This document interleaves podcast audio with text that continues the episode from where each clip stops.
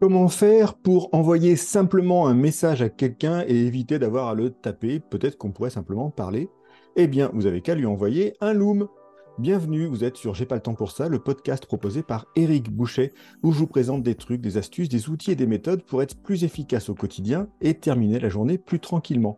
Que viennent faire les vidéos ici? Ben Justement pour pouvoir communiquer simplement, rapidement avec les collègues Loom, c'est presque fait un nom, comme on pourrait dire, on va se faire un Zoom, ou tu m'envoies un Slack ou un Teams.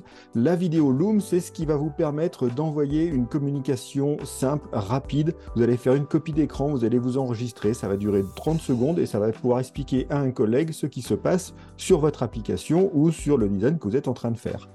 Pour ceux qui regardent la vidéo, vous avez à l'écran l'interface, c'est très simple. Je lance mon Loom qui peut être une extension Chrome ou je vais simplement dire je vais capturer l'écran, la caméra, voilà la caméra, voilà le micro et c'est parti. Vous allez pouvoir utiliser Loom dans à peu près tous les domaines. Sur le site, la société il va pas de la morte. On parle de communication d'équipe, de vente, d'ingénieurs, de, design, de marketing, de gestion de produits, de support et d'éducation. Et de fait, vous allez pouvoir créer des vidéos qui vont vous permettre d'échanger avec les collègues, de commenter le code de vos collègues développeurs si vous le souhaitez, de faire des petits dessins sur euh, les designs qui ont été présentés par l'équipe de graphistes, et même, et même, ce qui va être intéressant, intégrer Volume dans les différents outils de l'entreprise interne et externe.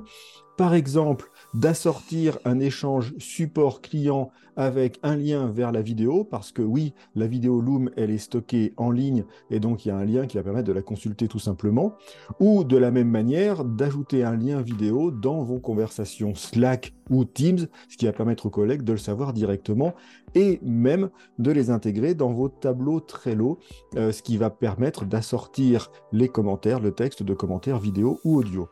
D'ailleurs, à ce propos, nous sommes en octobre 2023. Atlassian, la maison mère de Trello, vient d'acquérir Loom très officiellement.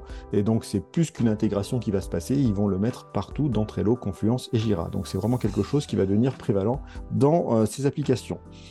L'autre intérêt bah, de ces vidéos, une fois qu'elles sont constituées, c'est que vous pouvez en faire une bibliothèque de contenu vidéo disponible. Donc des entreprises peuvent aussi s'en servir justement pour l'onboarding, l'accueil des nouveaux employés ou pour répondre à des questions fréquentes ou techniques.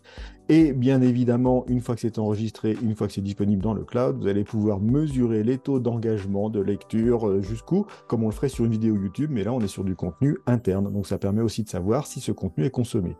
Donc double avantage de Loom, l'utiliser pour communiquer entre collègues, l'utiliser pour communiquer également avec l'extérieur et l'intégrer dans tous vos outils. Bien évidemment, nous sommes en 2023, il existe une extension intelligence artificielle de Loom qui s'appelle bien nommé Loom AI et qui va permettre justement de déterminer de manière simple un titre pour votre contenu, des résumés, des sous-titres s'il le faut, des chapitres, éventuellement identifier des tâches. Donc tout est parti. L'idée à partir du moment où on peut analyser le contenu, c'est qu'on peut en faire quelque chose. Donc voilà, en moins de 3 minutes, j'ai pas le temps pour ça, les vidéos Loom pour échanger avec vos collègues, avec l'extérieur, le plus simplement possible.